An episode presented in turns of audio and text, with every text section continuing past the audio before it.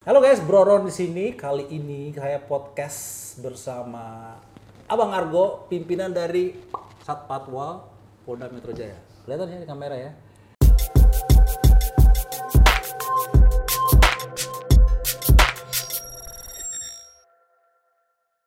Jadi kali ini em, pertama-tama sebelum mulai, Bang Argo, saya minta maaf. Kita udah keluar flyer ya dua bulan lalu kayaknya ya Oh iya. flyer kita mau ngobrol, mau bincang-bincang mengenai Etle, awal-awalnya Etle viral, ya kan? Sampai saya punya akun Instagram diserang tuh pada netizen, apa sih itu Etle, ya kan? Gimana kalau begini, gimana kalau begini, gimana kalau tilangnya? Tertunda sampai sekarang. Terima kasih udah berikan waktu, ya sama-sama sibuk lah gitu ya. Ya, thank you nih sudah. Kalau ini, kalau ini pimpinan benaran, kalau saya memang masih sok sibuk gitu ya. saya selalu salah dengan candaan. Jadi kali ini akhirnya ada waktu kita akan membahas mengenai Etle, ya Bang Argo. Pertanyaan-pertanyaan dari netizen yang mungkin belum puas juga dari ulasan-ulasan em, eh, berita media karena kita semua tahu netizen itu malas membaca ya kan? Mereka lebih suka menonton snapgramnya Broron benar ya komandan ya jadi kita akan membahas jadi kamu bisa perhatiin. Perhatiin apa sih itu ETLE ya bahasa Inggrisnya Electronic Traffic Law Enforcement. Bahasa Indonesia gimana tuh bang? Ya Eh, tilang elektronik. tilang elektronik. Lebih simpel kayaknya bahasa Indonesia Oke, yang waktu itu di launching oleh Polda Metro Jaya dan salah satu divisi kepolisian lalu lintas yang juga menjalankan program ini adalah Patwal. Ya Pak ya. Um, mungkin sebelum kita lebih dalam, teman-teman mungkin Bang Argo bisa menjelaskan perbedaannya Satpatwal dengan divisi lalu lintas lainnya. Iya, jadi di Direktorat Lalu Lintas ini kita ada beberapa subsatker ya. Yang pertama itu operasional itu ada namanya Satgatur. Gatur itu penegakan dan pengaturan, dia yang akan berjaga di sepanjang jalan protokol Sudirman Tamrin. Oke. Nah, di situ dikatakan sebagai jalur VIP karena memang rute eh, Bapak Presiden, Wakil Presiden itu selalu lewat rute itu. Kemudian yang kedua ada namanya SAT atau Satuan PJR, Patroli Jalan Raya.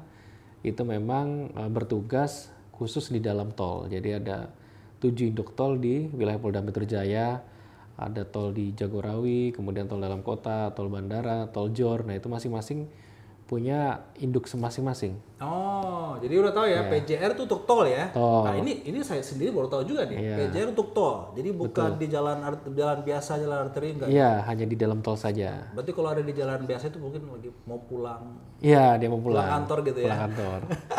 Oke, oke. Kemudian eh, satuan Pamwal sendiri ya. Pamwal itu singkatan dari pengamanan dan pengawalan. Dulunya memang namanya Satpatwal, Satuan Patroli dan Pengawalan. Cuma ada eh, perubahan eh, nama maupun secara tugasnya itu lebih spesifik.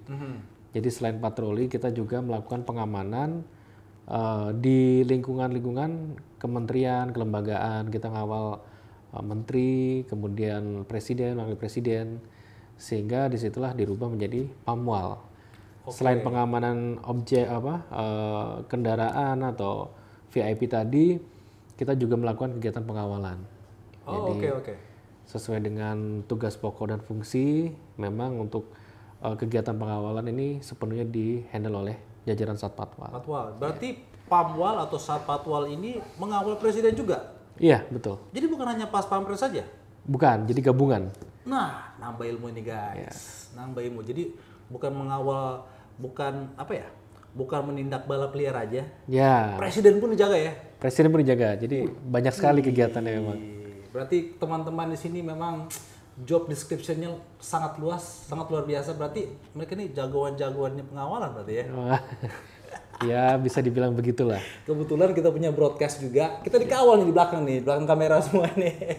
Oke, jadi terima kasih Bang Argo atas infonya. Jadi udah tahu jelas ya perbedaan PJR, lalu lintas. Nah, kalau TMC Polda, jadi biasanya kan teman-teman netizen nih kalau lagi teman-teman netizen, teman-teman cepu jen ya. Saya saya bilangnya cepu ya, cepu netizen. Ya. Oh, iya. apa itu cepu? Itu sing- singkatan yang kita pakai sama Komandan Haras ini. Oh, iya. jen ya.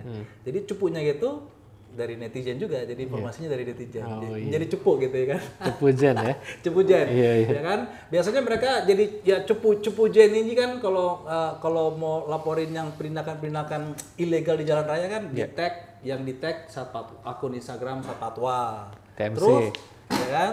Terus TMC. Nah, TMC ini apa nih, Bang? TMC itu Traffic Management Center. Oke. Jadi memang dia di situ sebagai sumber kita semuanya melaporkan kegiatan secara uh, virtual, secara uh, visual maupun secara audio itu melalui alat komunikasi yang ditalki itu ke TMC. Jadi secara apa uh, pendelegasian tugas, memberikan perintah itu semuanya melalui TMC karena memang dia uh, kesatuan yang memang untuk memberikan menyebarluaskan informasi, menyebarluaskan perintah dari pimpinan kepada seluruh anggota di lapangan, Command center lah berarti, Bang ya. command center Oke. kepada seluruh anggota di Telantas yang kurang lebih jumlahnya memang sangat banyak sekali. Ada kurang lebih 4.400 personil. 4.400 personil Ya, seluruh Jakarta Raya. seluruh Jakarta Raya. Ya. Oke, mungkin dalam bahasa hariannya, bahasa gaulnya bisa dibilang markas besarnya lalu lintas lah ya. Di Yes, situ semua ya. betul. Berarti dia membagi informasi baik itu ke Patwa, PJR. PJR ke Gatur, Oke.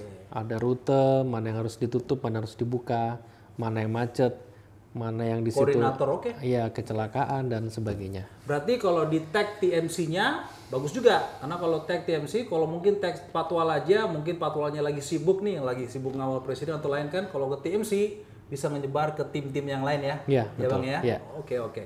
Dan berarti TMC ini juga yang mengatur mengenai eh, paling dikit walaupun atlet itu program nasional, Iya, itu untuk di lokal DKI ya. DKI, Oke. betul. Cara kerjanya bagaimana nih, Bang?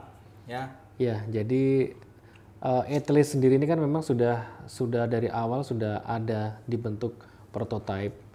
Dari awalnya ada tiga titik kamera yang terbatas yang waktu itu hanya di seputaran Sarina diperbanyak yang sekarang memang ada uh, lebih dari 19 titik yang ada di DKI. Itu yang fixed position ya, Iya, yang di jalan secara protokol ini ya. ya. Oke. Kemudian kenapa kok sekarang malah mundur? Jadi sebetulnya dengan dengan situasi budaya, kepribadian karakter warga di Jakarta khususnya ini eh, pada saat eh, masyarakat itu mungkin ada ada yang merekam di situ dia tidak bersentuhan dengan petugas malah malah lebih efektif Mhm.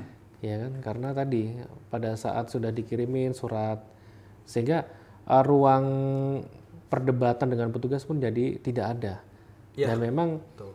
pelanggaran pun jadi menurun sehingga titik-titik yang tidak terjangkau inilah yang kita lakukan kegiatan pemantauan dengan kamera secara manual yang tadi mungkin menggunakan uh, dashcam, menggunakan hel- helmet cam. Uh, tujuannya memang tadi uh, meningkatkan rasa kedisiplinan pengendara dan memang di negara-negara maju itu uh, rata-rata polisi sudah sedikit ya. Mungkin kalau misalnya uh, netizen sudah pernah pergi ke luar negeri seperti di, di Singapura, di Malaysia itu kalau kita lihat di jalan umum itu petugasnya sangat terbatas. Ya. Mereka lebih banyak mengandalkan kamera. Nah di situlah uh, masyarakat akan terpaksa harus disiplin karena di situ ada penal yang harus dibayar yang besar. Nah di sini mungkin nanti ke depannya juga seperti itu. Mungkin kalau di Indonesia mungkin tidak terlalu besar nilai apa uh, pelanggaran sanksi seperti pelanggaran sanksi tertinggi di situ ada denda maksimal seperti lima ratus ribu. Tapi kalau di luar negeri itu mungkin pelanggaran kecil itu dendanya bisa sampai dengan jutaan Ya, betul. bahkan 2 juta, 1 juta itu kan nilainya sangat besar di sini. Sehingga di sana orang lebih takut melanggar Ya. daripada dia harus berdebat dengan polisi. Nah, di sinilah ada pergeseran budaya, nilai budaya eh, yang eh, harus dibiasakan dengan karakter atau kepribadian dari warga di Indonesia. Kalau sebenarnya, kalau saya ya, kalau Iya. jadi kalau di podcast gini saya ya, saya tuh tidak mau seperti podcast seperti tempat-tempat lain ya teman-teman lain. Nggak apa-apa, yang lain nggak apa-apa baik ya. Saya maunya saya bisa beropini juga ya. Jadi saya beropini mengenai hal ini. Ini adalah program yang sangat baik Yes. dan saya sangat mendukung. Kenapa? Karena memang ya bikers, saya ngomong bikers atau pengemudi di Indonesia itu Dan saya berani mengatakan ini karena saya juga lama di luar negeri ya guys ya. Ya banyak yang sudah lama follow saya. Saya itu lama sekali di Amerika. Memang pengemudi di Indonesia itu luar biasa bandelnya minta ampun pak. Ya. Ya kan dan memang perlu ditindak. Nah jadi kalau tadi dengar ya itu salah satu program Etle ini juga untuk mengurangi perdebatan di jalan raya. Iya. Ya kan? Sudah berapa sering video yang viral karena motoris apa ya? Pengemudi motor berdebat sama polisi lah. Eh, tapi kan seharusnya begini begini begini. Polisi juga jadi ikut berdebat di situ kan. Efeknya jadi tidak baik. Jadi eh, ibaratnya ini lu direkam, lu kena tilang. Nah, Ya. Prosesnya ini, Bang. Ya kan? Iya. Titipan, pertanyaan titipan dari netizen nih ya. Iya. Loh, bagaimana dong? Ini akan bisa meningkatkan pemalsuan pemalsuan nopol. Iya. Nah, itu gimana tuh? Eh, maksudnya pemalsuan seperti apa tuh? Jadi kalau difoto atau divideoin, Ya. kan surat tilangnya kan dikirim ke rumah. Iya. Ya. Padahal mungkin saat Sudah itu pengemudi itu memakai nomor pol- nomor polisi palsu atau nomor polisi orang lain yang memang sudah sering terjadi ya, yang sering Ya. kita lihat. Jadi sekarang ini eh, untuk kamera-kamera yang stasioner tadi itu kita sudah dilengkapi dengan sistem FR atau face recognition dan di situ memang sudah terintegrasi dengan data dari Dukcapil. Jadi walaupun nomor polisinya memang berbeda dengan identitas, Iya. nanti kan ada pembandingnya dengan dari face recognition tadi akan ada pembandingan dengan data dari dinas penduduk gitu catatan sipil sehingga di situ juga polisi walaupun yang pertama mungkin mengirimkan kepada alamat yang tadi mungkin eh, tidak sesuai. Oke. tapi kalau memang tidak sesuai kan ada akan, akan jadi catatan khusus. Iya. sehingga di situ akan dicocokkan kita kan ada data lagi data SIM online tadi.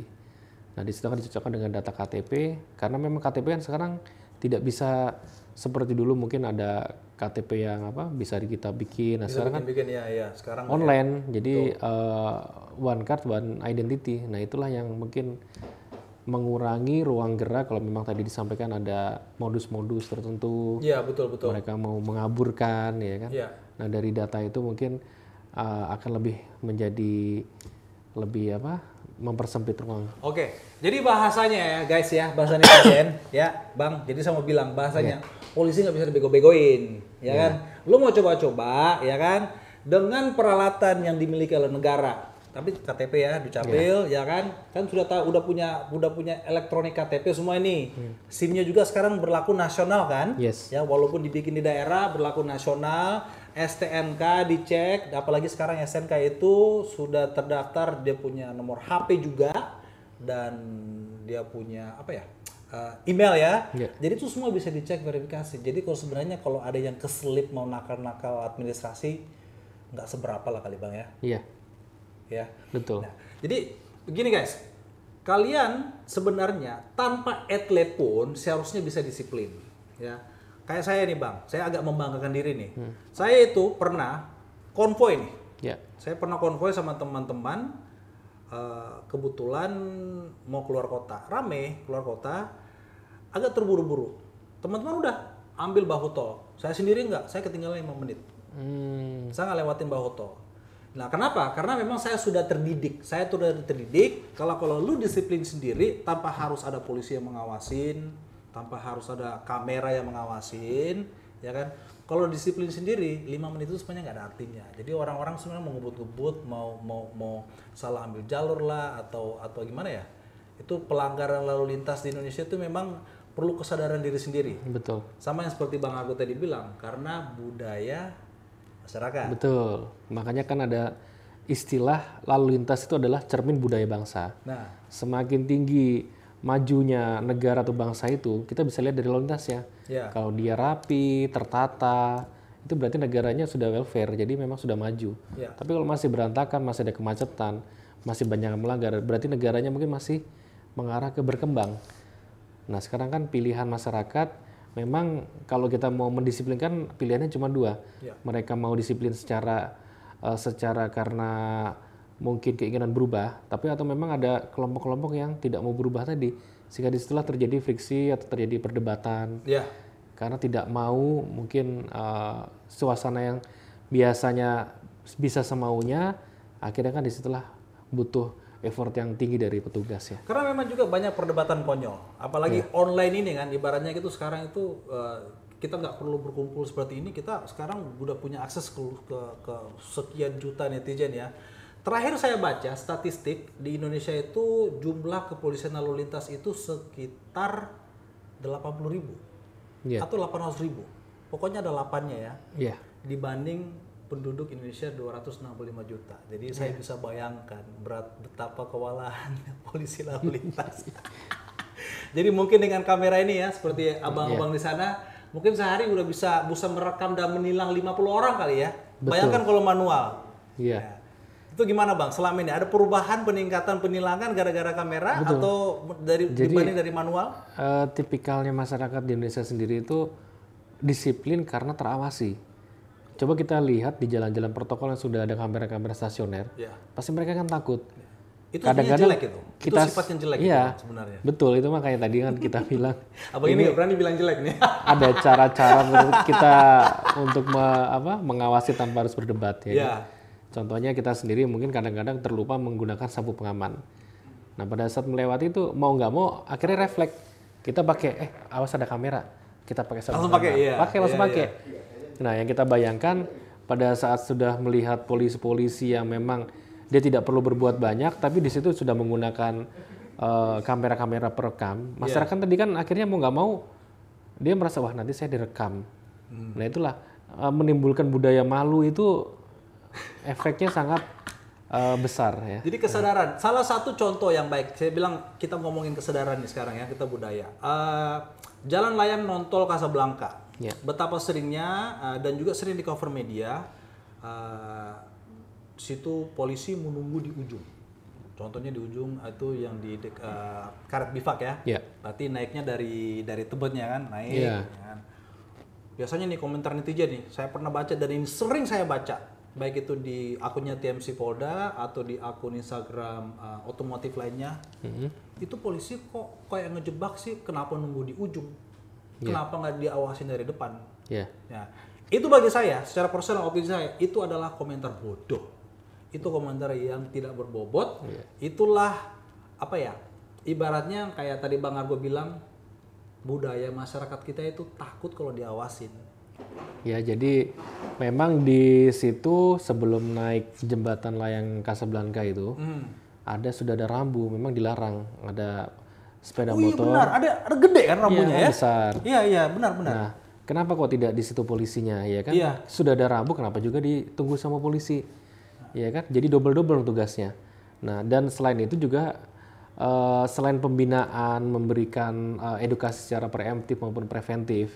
Preemptif itu dengan himbauan, sosialisasi. Preventif itu dengan menjaga. Nah, di situ juga kita ada kegiatan namanya kegiatan represif. Iya. Nah, represif ini adalah salah satunya adalah memberikan efek jerah Itu yang di ujung. di ujung, iya kan? Betul. kan tidak serta merta pada saat di awal diberikan sosialisasi. Iya. Setelah dilakukan sosialisasi barulah dipasang rambu. Artinya nggak boleh. Nah pada saat tanda rambu pun polisinya juga masih jaga di depan. Iya. Tapi karena prosesnya panjang, bukan pada saat hari itu juga. Nah setelah proses panjang inilah dianggap eh, cukup masa sosialisasi, cukup masa penjagaan, di situlah kemudian dilakukan kegiatan represi. Sebenarnya sih ya, Iya. opini saya secara pribadi Bang, kalau memang sudah memiliki SIM, ya kan, salah satu juga kewajiban seseorang pengemudi memiliki SIM, ya, uh, kalau dia kalau dia baca bukunya ya, bahwa harus mewas, mau- mewaspadai sekeliling, Iya. perhatiin rambu-rambu yang ada, Betul ya kan? sekali. Jadi kalau Bang Argo bilang kita sosialisasi, kita harus memberitahu, sebenarnya saya saya secara pribadi kurang setuju Bang.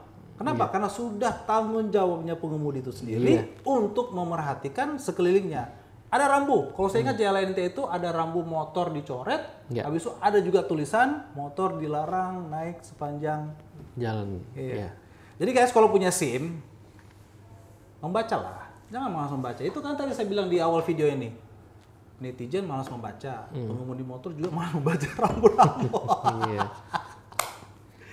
Betul. Kenapa tidak taruh di depan? Ya supaya kita melihat. Karena kalau lu melanggar dan kalau lu bisa disiplin tanpa ada polisi di depan sana, Iya. ya kan? Ya, Lu masuk pasti kena. Ya jadi masyarakat teman-teman tolonglah sadarlah ya bahwa kepolisian kita juga ini ya teman-teman kita ini mau gimana pun mau sebenci apa pun kita ke polisi kita butuh polisi nggak itu itu nggak bisa ditebak kita butuh polisi nah jumlah polisi yang sangat kurang ya di Indonesia ini mungkin itu ya itu urusan pimpinan negara ya Iya. mungkin semoga semoga kepolisian kita bisa bertambah sampai 5 juta orang kali ya Iya.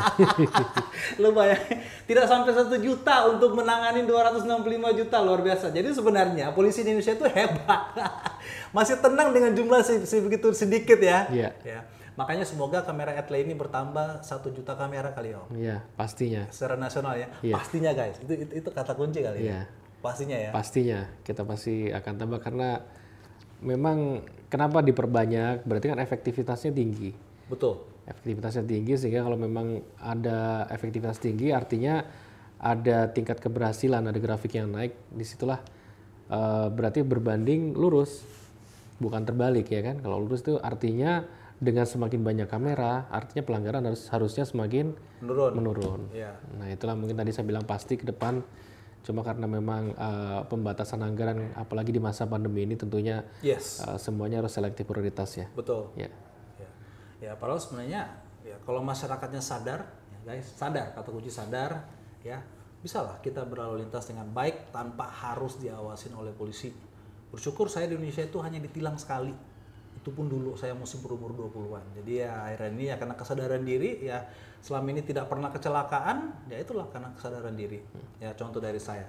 Nah, kita kita kita ngomong mengenai kesadaran diri nih kan tadi eh, Bang Argo bilang Pat- Patwal ini kan pengamanan dan pengawalan. Pengawalan, Ya, kita ngomong mengenai pe- pengamanan dulu ya. Ya. Oke, Bang Argo. Jadi saat Patwal ini tadi Bang Argo bilang ada juga perubahan namanya Pamwal ya, Iya. pengamanan dan pengawalan. Memang masyarakat akhir-akhir ini kalau saya perhatiin memang setahun terakhir banyak keluhan masyarakat mengenai suara motor. Yes. Ya, jadi ini saya ungkit sendiri bang ya, nggak Iya, apa-apa ya. iya. Karena ini juga titipan dari teman-teman Oke. dan juga teman-teman juga yang memang anak motor tapi eh, pengennya santuy aja. Betul. Ya kan, jadi rakyat biasa mau lu, wah motor ini suaranya berisik, Ya. ya kan, suaranya berisik. Nah, terus anak-anak motor, termasuk saya juga, Iya. ya kan, pengen suaranya motor itu yang gagah, ya kan. Nah, jadi apalagi nanti sebentar lagi ada uh, akan ramai mengenai motor listrik dan mobil listrik. Tapi itu nanti saya akan selipin sedikit di, di ujungnya. Kenapa ada ada kolerasinya mengenai suara ya? Iya. Nah, mengenai suara motor ini bang, ya memang saya tahu polisi ini jadi serba salah nih kayaknya nih kalau bergerak nih ya kan. Iya. Kalau bergerak, anak motor rasanya diganggu. Ya. Kalau tidak bergerak, rakyat biasa merasanya ini kok polisi nggak ngapa-ngapain. Iya. Kita ngomong dulu mengenai motor bang, gimana itu bang? Jadi gini, polisi ini kan eh, berangkatnya Ya. dari tugas tugas secara umum menjaga keamanan, menjaga ketertiban, menjaga norma sosial yang ada di masyarakat. Hmm, Karena memang itu adalah tugas kepolisian secara umum. yes, betul. Nah, pada saat kita berbicara kata tertib, di situ mungkin akan banyak sekali eh, hal-hal yang memang di sisi lain eh, dicari ya tadi dibilang eh, disampaikan oleh Bro tadi eh, kita terganggu nih dengan suara, dengan polusi suara. Tapi di sisi lain mungkin bagi eh, para pemotor sendiri akan menjadi kontra. Karena akan merasa mereka juga akan merasa tidak nyaman. Ya, ya kan? Sehingga kita kan harus berdiri di tengah-tengah dan kemudian eh, yang kedua dikaitkan dengan situasi kenapa kok akhir-akhir ini menjadi banyak razia? Kita mungkin tahu udah sudah kita eh, sudah setahun negara kita mungkin di dunia ini mengalami pandemi COVID-19 nah di situ ada kegiatan namanya WFH work from home school from home sehingga aktivitas mungkin dari mulai anak sekolah, anak kuliah, perkantoran kan jadi uh, berkurang. Oke. Nah, akhirnya dari uh, berkurangnya aktivitas ini, dari analisa yang kami amati, terjadi peningkatan kegiatan. Mungkin jenuh dia di rumah. Karena kan biasanya kalau mungkin dulu sebelum pandemi, kita sudah ada uh, kebiasaan-kebiasaan waktu-waktu yang ramai. Kalau kita bilang uh, high season, peak season, seperti itu ya. Di hari weekend, Kenapa kok selalu ramainya di hari Sabtu dan Minggu? Karena di situ adalah hari orang itu libur, Betul, refreshing, refreshing. kerja sekolah lima hari gitu ya. Begitu sekarang tidak melakukan aktivitas apa-apa, semuanya serba online.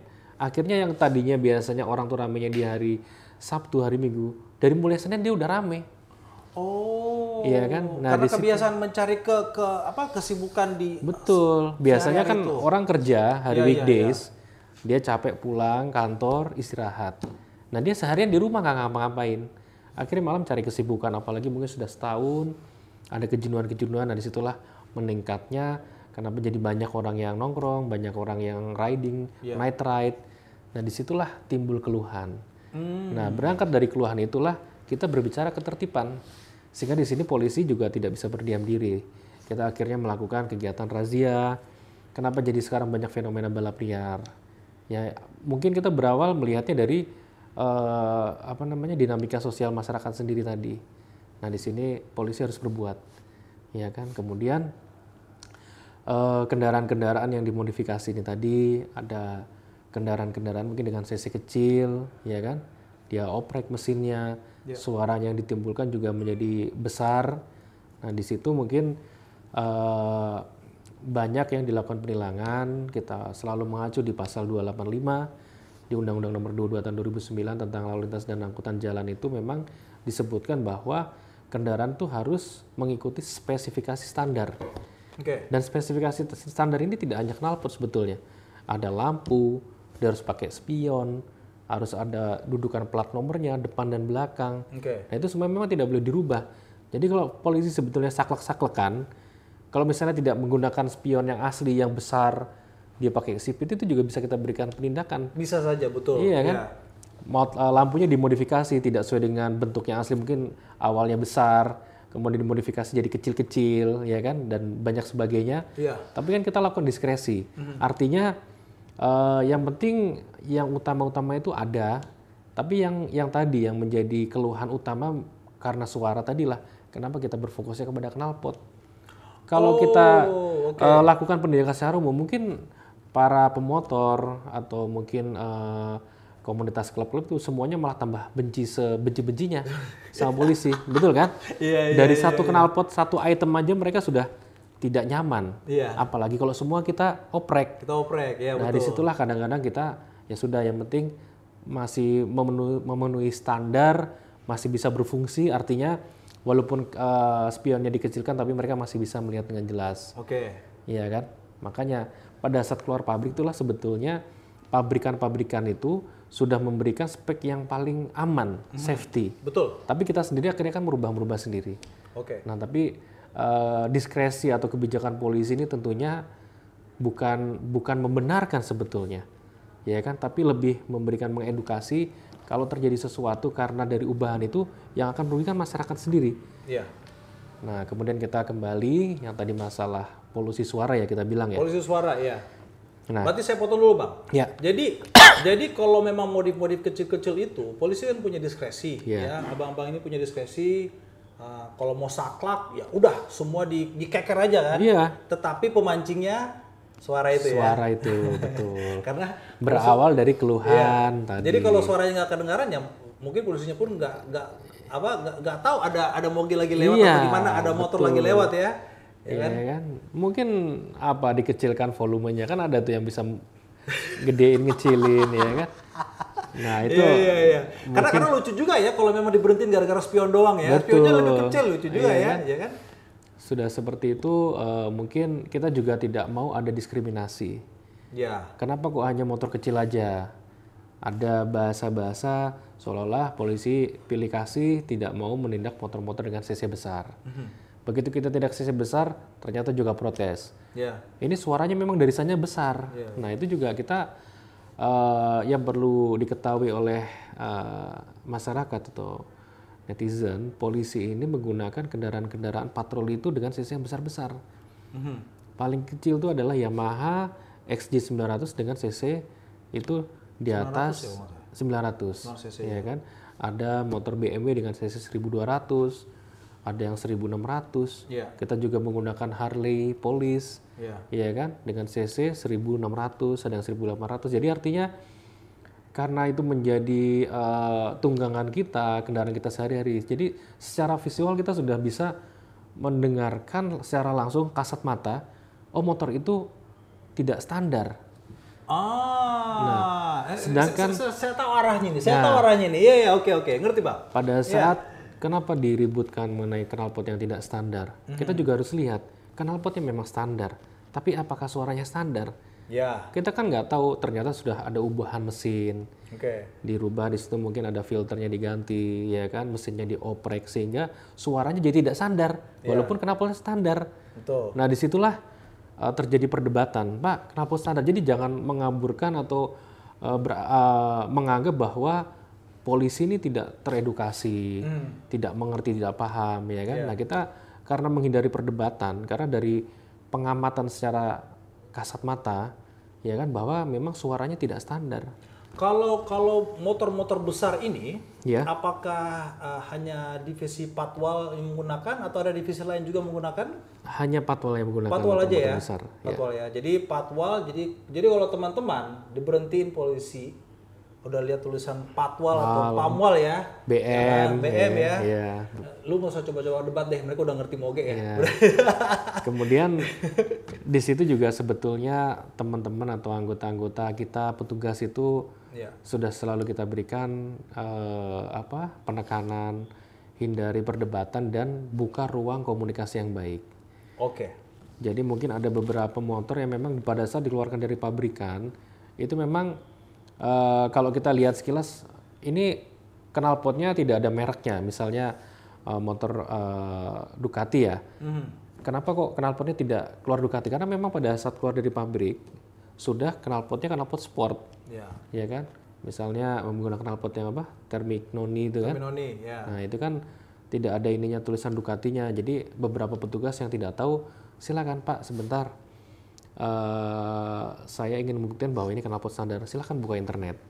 Bapak lihat dulu, dibicarakan ya kan sehingga eh, di beberapa kejadian yang viral karena apa adanya miskomunikasi dengan petugas, kita buka ruang diskusi. Datang ke kantor, kita ngobrol. Betul nggak sih motornya memang sesuai dengan standar? Ini kayaknya kita ngomongin yang viral minggu lalu ya bang ya? Iya kan kemarin sempat ada yang viral ya kan. Ah oke oke. Sehingga kita datang pada saat datang memang setelah dicek kita yakinkan standar Iya. versi kita ya. Iya. Akhirnya kan kita anulir. Ya kan kita tidak terus tidak teruskan tilangan itu ya kan kita kembalikan. Dikembalikan. Dikembalikan Berarti tilangnya itu bisa dibilang dibatalkan. dibatalkan. Ya. Berarti secara tidak langsung nih guys, kalau kalian perhatiin Hmm. nih apa yang dibilang Bang Argo ini, tilang itu tidak mutlak menyatakan Anda bersalah. Ya. Jikalau orang tersebut bisa membuktikan, Bisa membuktikan. ya oke oke oke. Ya, tapi kalau eh, selain itu sebetulnya pada saat seorang masyarakat tidak terima akan ditilang, dia kan bisa ada dua pilihan. Yang pertama eh, dia tidak mau tanda tangan. Ya. Pak, saya tidak menerima kesalahan saya, saya tidak mau tanda tangan. Itu kan bisa juga. Ya kan? Nah, di situ mungkin ada banyak versi yang mungkin masyarakat tidak tahu ya. Tapi intinya eh, polisi ini pada saat situasional mungkin di jalan menghindari perdebatan. Mungkin kalau nanti di situ eh, terjadi miskomunikasi, mungkin di situ kan eh, posisinya juga tidak menguntungkan karena rombongan itu orangnya banyak. Akan dia akan lebih memilih untuk melakukan penilangan sebagai upaya Supaya selesai. tidak terjadi perdebatan atau mungkin hal-hal yang mengarah yang tidak menguntungkan di kedua belah pihak. Jadi teman-teman supaya mengerti ya. um, jadi di tilang itu mungkin ada ada beberapa tahap yang bisa dilakukan. Kayak tadi dibilang Bang Argo, klarifikasi, datang ke kantor. Kita ngomong ke mungkin khusus yang bagian Jakarta dulu ya. Iya. Ya, jadi udah kenal patwal, kalau mungkin di- ditilang oleh patwal atau ditilang divisi lalu lintas uh, uh, di, di Polda Metro bisa apa Bang Argo bilang tadi membuka pintu untuk diskusi Iya. untuk klarifikasi mengenai penilang- penilangan tersebut. Jadi tidak mutlak Anda itu auto bersalah, tidak mutlak harus ke sidang, ya kan? Tapi memang guys, ya saya, saya bilangin sekarang aja, tidak harus selalu kita itu berdebat sama polisi. Bisa saja kalau kita udah mengerti proses hukumnya, kalau memang bersalah ya udah terima, bayar atau sidang, perdebatkan di sidang. Dalam hal ini kalau kasus yang minggu lalu ya, um, kebetulan teman-teman di sini membuka pintu dan mau mendengar ya mungkin di petugas di lapangan tidak mau mendengar karena tadi yang bang Argo bilang untuk menghindari perdebatan Iya. segala kan konflik ya kan? konflik di lapangan ditilang aja supaya selesai mungkin lanjut ya kalau Iya. mau kalau kalau mau debat you know saya saya perhatiin juga kasus ini seminggu terakhir memang agak lucu juga Hmm. ya kan Uh, seharusnya tidak perlu viral seperti gitu. Iya. dan banyak komentar pedas dan ini juga pelajaran kepada teman-teman netizen yang kolerasinya dengan yang saya bilang tadi kita itu butuh polisi no matter what ya kan? Tanpa membola polisi saya mau bilang aja guys komentar-komentar kalian itu kemarin itu banyak yang kurang uh, kurang menyenangkan ya bang ya saya bilang. Yang paling saya tidak setuju itu adalah masa sih polisi tidak tahu kenapa Ducati saya bisa gampang itu bang saya gampang jawabnya bang Ya, Emangnya polisi bisa tahu semua kan motor yang ada di dunia ini? Emangnya polisi harus tahu kenapa Ducati? Betul. Emangnya polisi harus tahu kenapa Eric King? Eh, Eric King lagi kita semua kita angkat. Guys, polisi kamu jangan anggap polisi itu serba tahu semuanya. Polisi juga bisa salah. Benar ya Bang ya? Iya. Dalam hal ini tadi Bang Argo ngakuin bisa salah, tetapi ya saya berani bilang masyarakat lebih banyak lebih brengsek di jalan. Ya Saya bilang aja seperti gitu. Ya, banyak. Jadi kalau dalam hal ini, dalam kasus tadi ini, jangan mengharapkan polisi tahu kenapa Ducati, habis itu kamu berharap orang itu dilepaskan. Kenapa? Karena masyarakat masyarakat itu sendiri lebih banyak lebih banyak dosanya di jalan raya daripada polisi yang menilang Iya. motor Ducati lawan arah naik trotoar bonceng tiga bonceng empat nggak pakai helm willy willy nah kita ngomong willy lagi nih ya kan? Balap liar ya kan? Kalau kalau kayak gitu kan malah biasanya yang akhir ini saya kampanye balap liar kalian netizen kalian rakyat malah menyerang saya. Katanya mengurusin bukan urusan saya tapi kamu sendiri berharap polisi mengenal kenapa Ducati ah sana saya gara-gara kepala baca gitunya bang. Ya kan? Padahal polisi polisi itu ibaratnya gini guys. Ini tempat bang Argo bekerja. Bekerja sebagai polisi polisi juga pasti butuh banyak training. Ya bang ya? Iya. ya banyak training. Tapi yang pasti guys tidak akan ada training kenapa Ducati. Nggak mungkin ya. Itu mekanik Ducati dan sales Ducati yang dapat trainingnya. Bukan polisi bukan bang Argo. Ya. Iya. tapi udah sangat baik bang Argo sudah menyatakan kalau ditilang polisi siap membuka pintu untuk menyelesaikan. Iya, tapi bukan berarti membenarkan ya. Jadi berarti membenarkan, jangan yes. sampai nanti juga ada apa eh, salah juga, Pak. Tolong saya mau berdiskusi. Ini yang tadi saya terburu-buru, tidak membawa surat-surat atau mungkin hal-hal yang lain. Nah itu juga tidak dibenarkan juga. itu Jadi sebenarnya pengakuan salah sih bang kalau kalau kayak gitu nah itu juga Kalau jangan bahas sampai hukumnya kalau bahasa bahas hukumnya itu udah pengakuan itu bang ruang diskusi ini jangan sampai disalahgunakan. Intinya Iya. secara normatif semua harus dilengkapi. Jadi pada saat kita akan mau pergi keluar, apa yang akan akan menjadi eh, fokusnya? Yang pertama mungkin kesiapan kendaraan. ya Kita pastikan kendaraan kita siap, tidak ada masalah. eh, cek rem, kaki-kaki, apa segala macam kan. Oh sudah siap. Setelah kedua yang kedua, kelengkapan yang harus kita siapkan apa? Ya tadi, yang melekat kepada diri kita untuk memberikan legalitas kita eh, mengemudikan suatu kendaraan. yes Karena pada saat kita mengemudikan kendaraan, itulah kenapa harus kita punya SIM. Kenapa harus membawa SIM? Itu adalah legitimasi. Legitimasi kita bahwa kita eh, boleh menggunakan kendaraan. Kita terleg- terlegitimasi secara undang-undang. oke Kalau kita tidak leg- dilegitimasi, artinya apa? Kita ini legal, ilegal. betul Pada saat terjadi kecelakaan, pasti akan ditanya satu, mana surat izin mengemudinya? Itulah adalah legitimasi kita eh, dapat mengemudikan suatu kendaraan. oke Nah makanya kadang-kadang kan oh iya pak tapi saya tidak membawa. Nah ini tadi jangan sampai salah kaprah. Ruang-ruang diskusi ini eh, dalam kasuistis ya.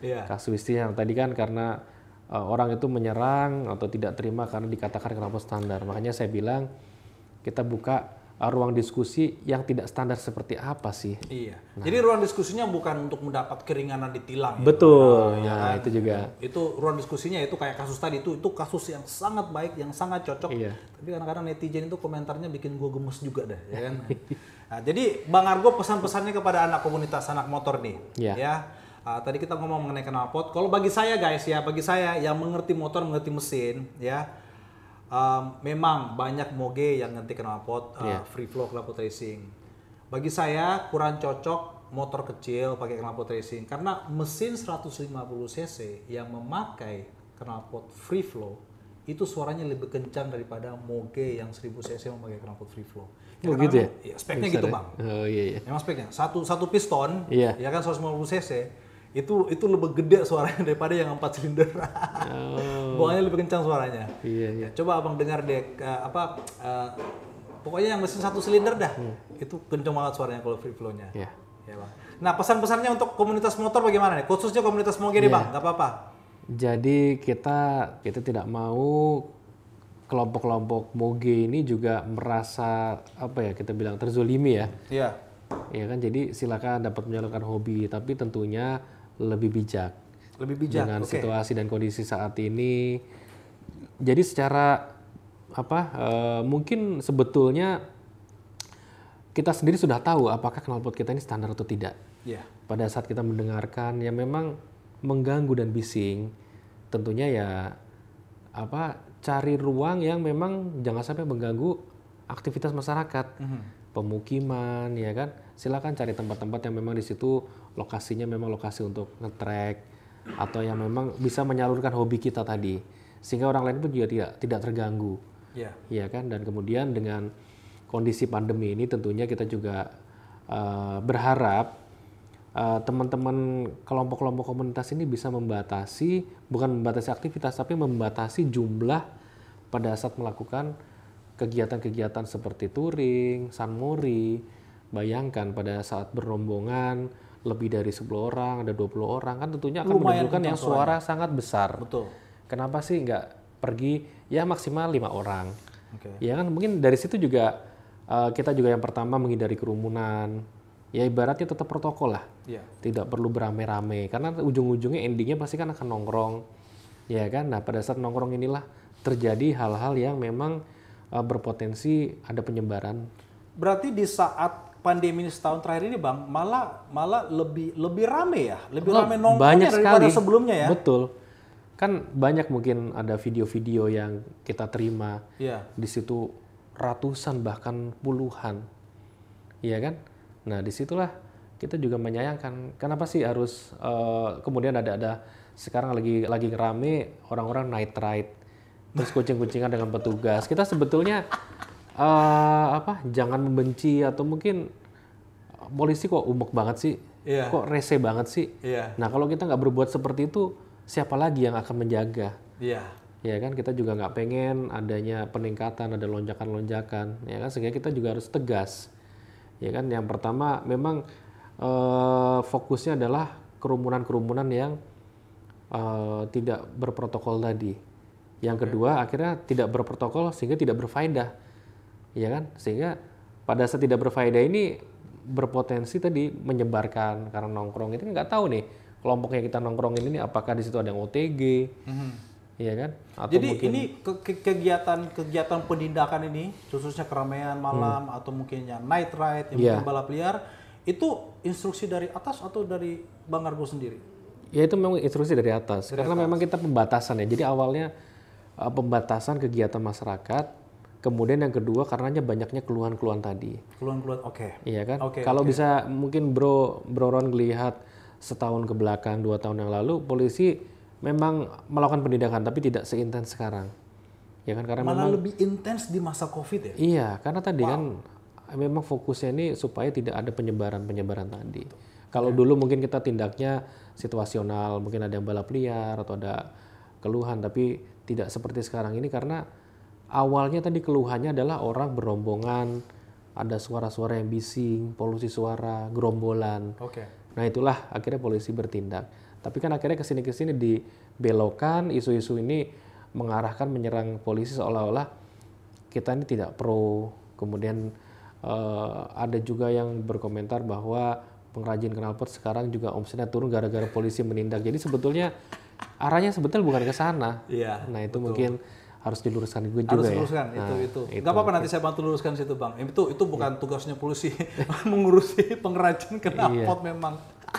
ya. Jadi kalau kalau kita ngomong pengamanan mengenai balap liar nih bang. Ya. Ya. Apakah balap liar ini juga termasuk salah satu kera- keramaian yang mulai menonjol di masa menonjol di masa pandemi atau memang sudah dari dulu, memang dari balap liar sih dari dulu ya. Iya, betul. Dari dari dari zaman purbakala sudah ada ya. Tapi kuantitasnya kuanti, kuantitasnya Kuantitasnya gimana? meningkat. Meningkat juga. Ya kan tadi saya bilang karena sekarang banyak yang online, Ya. orang mungkin sudah apa kegiatan belajar mengajar juga tidak seperti dulu kan banyak tetap muka.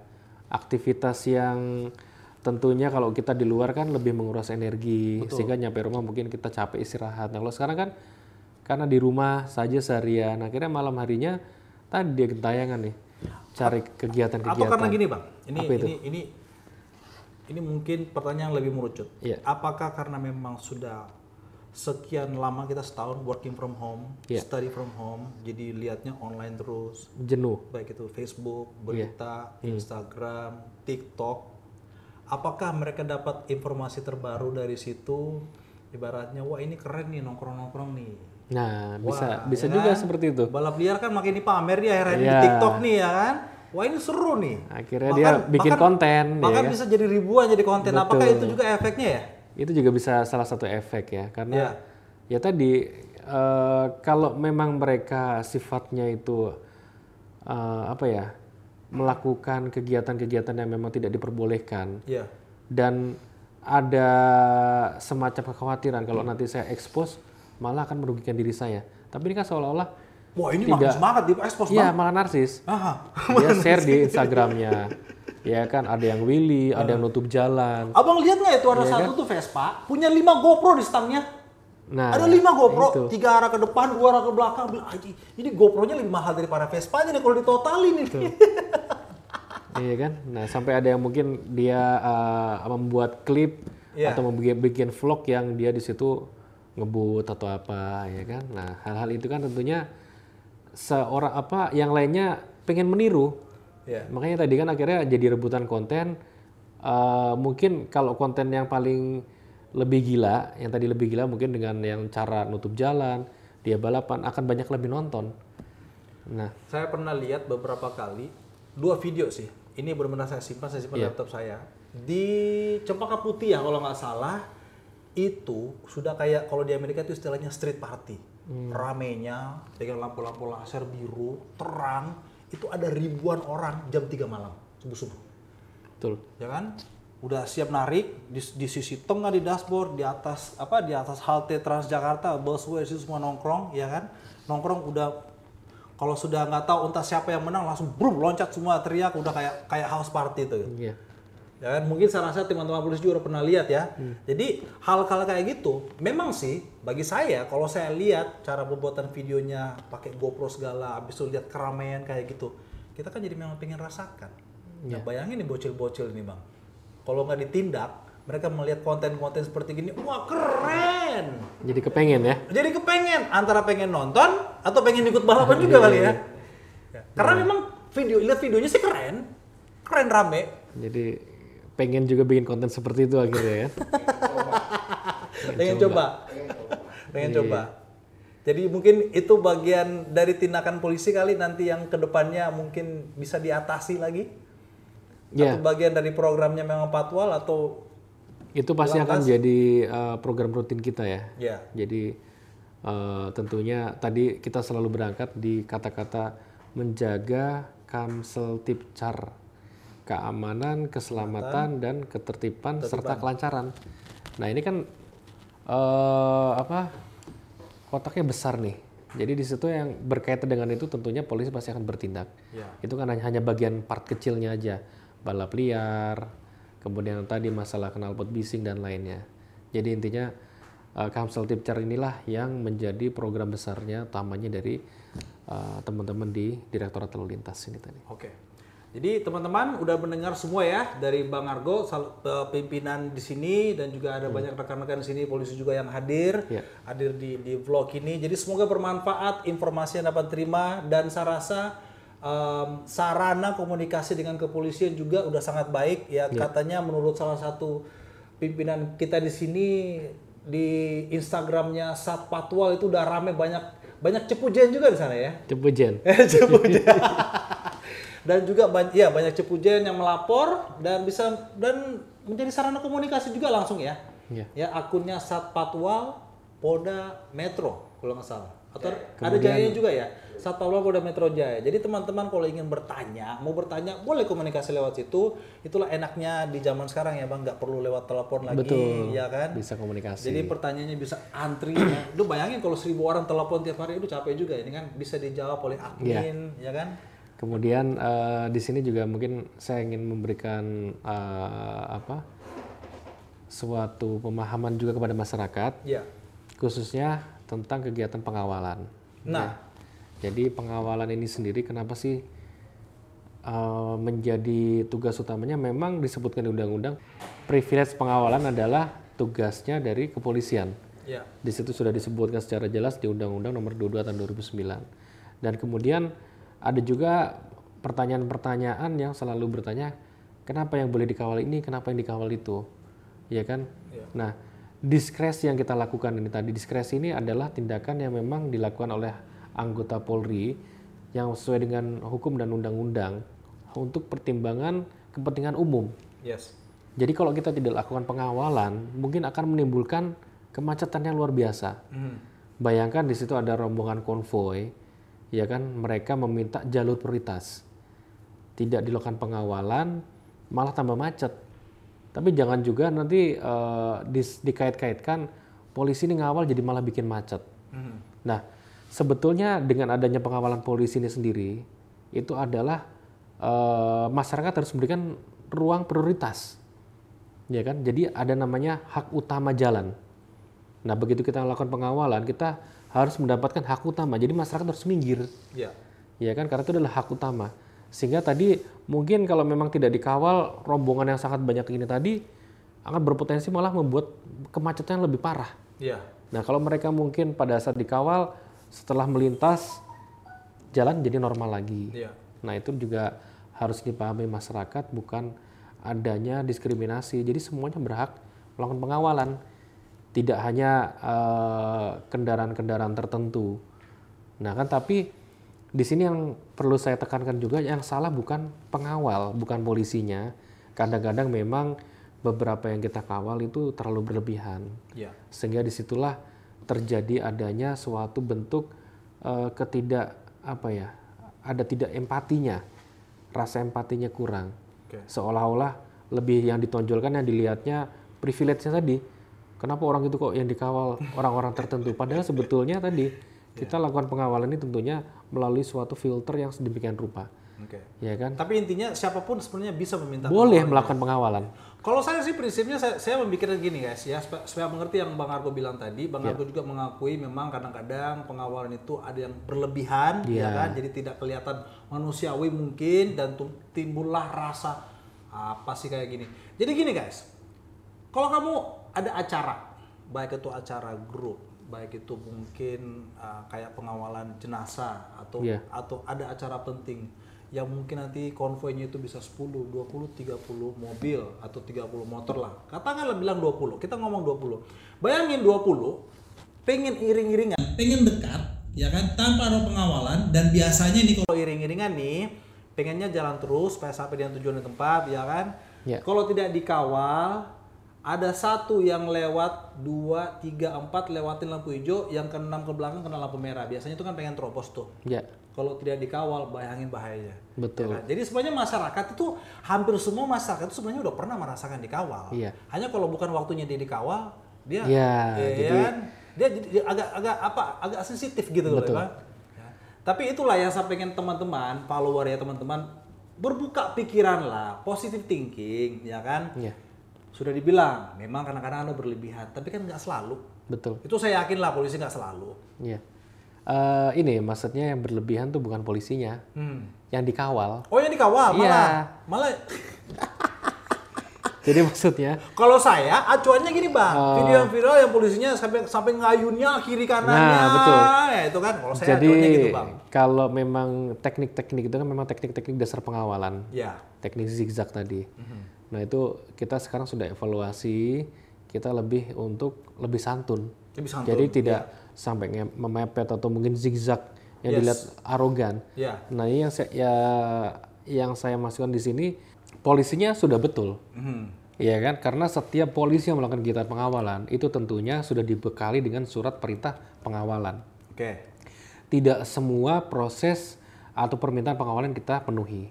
Jadi kita kita akan mempertimbangkan sejauh mana eh, orang ini atau dalam kondisi tertentu yang bisa dilakukan pengawalan Ya. di luar yang memang eh, menjadi prioritas utama ya seperti ada rombongan jenazah atau pejabat-pejabat tertentu tamu negara ya kan itu akan kita betul-betul filter.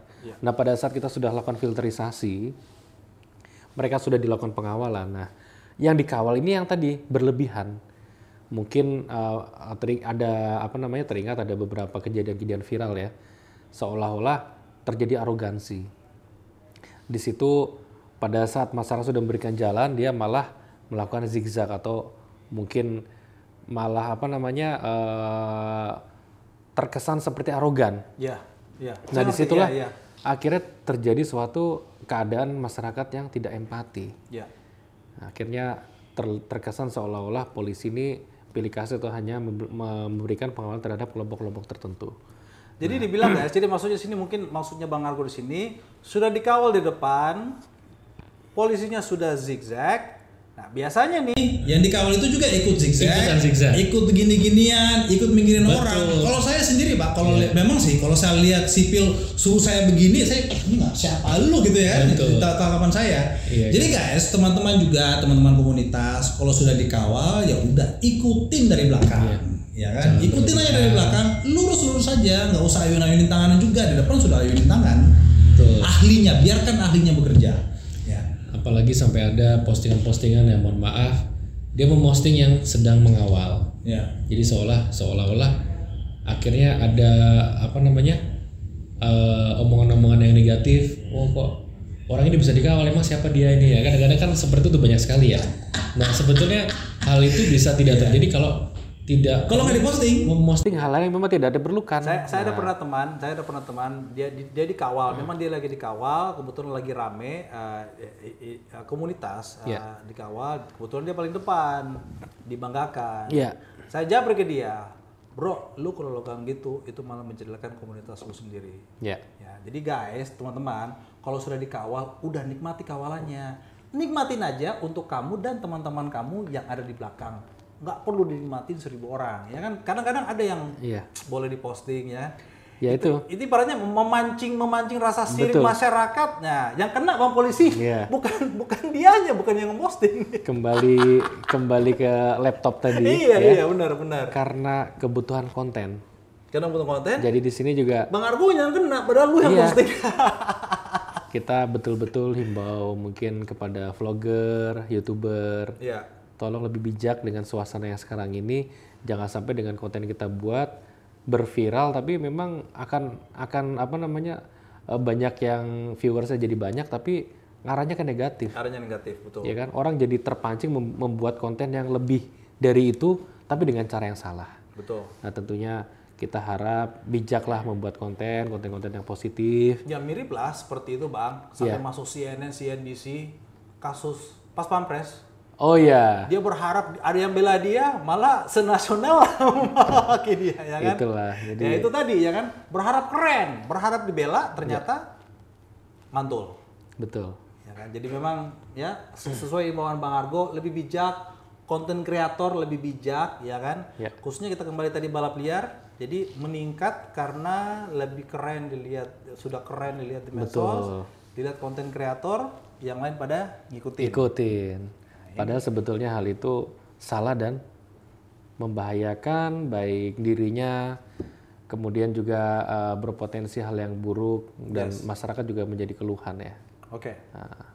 Baik, terima kasih Bang Argo atas waktunya. Kita sudah diskusi banyak ini. Jadi teman-teman, jadi eh, udah udah dengar semua, udah dengar panjang ya. Bagi yang mendengar nanti cuplikan-cuplikan aja, dengar aja langsung di podcast saya di broadcast dan juga nanti saya eh, posting di YouTube juga. Eh, banyak pelajaran yang kita ambil di sini bahwa polisi itu juga selalu ingin bersikap humanis kok. Ya, ingin pendekatan, makanya membuka pintu untuk eh, saling berkomunikasi. Khususnya patwal, kalian bisa komunikasi di akun Instagramnya asat at satpatwal Polda Metro Jaya. Dan mungkin juga bisa diterapkan mungkin di kota-kota lain kota lainnya yang yang tidak tinggal di Jakarta ya kan? Saya selalu bilang kan saya selalu bilang kepada netizen bang yang ng- ngelaporin balap liar padahal itu eventnya di Kendal lah, di Tegal lah, ada di Papua. Guys, nggak perlu tag saya. Yang di tag adalah Polsek, Polres atau Polda setempat kamu. Betul ya bang ya? iya. Saya bukan polisi guys. saya vlogger gitu kan.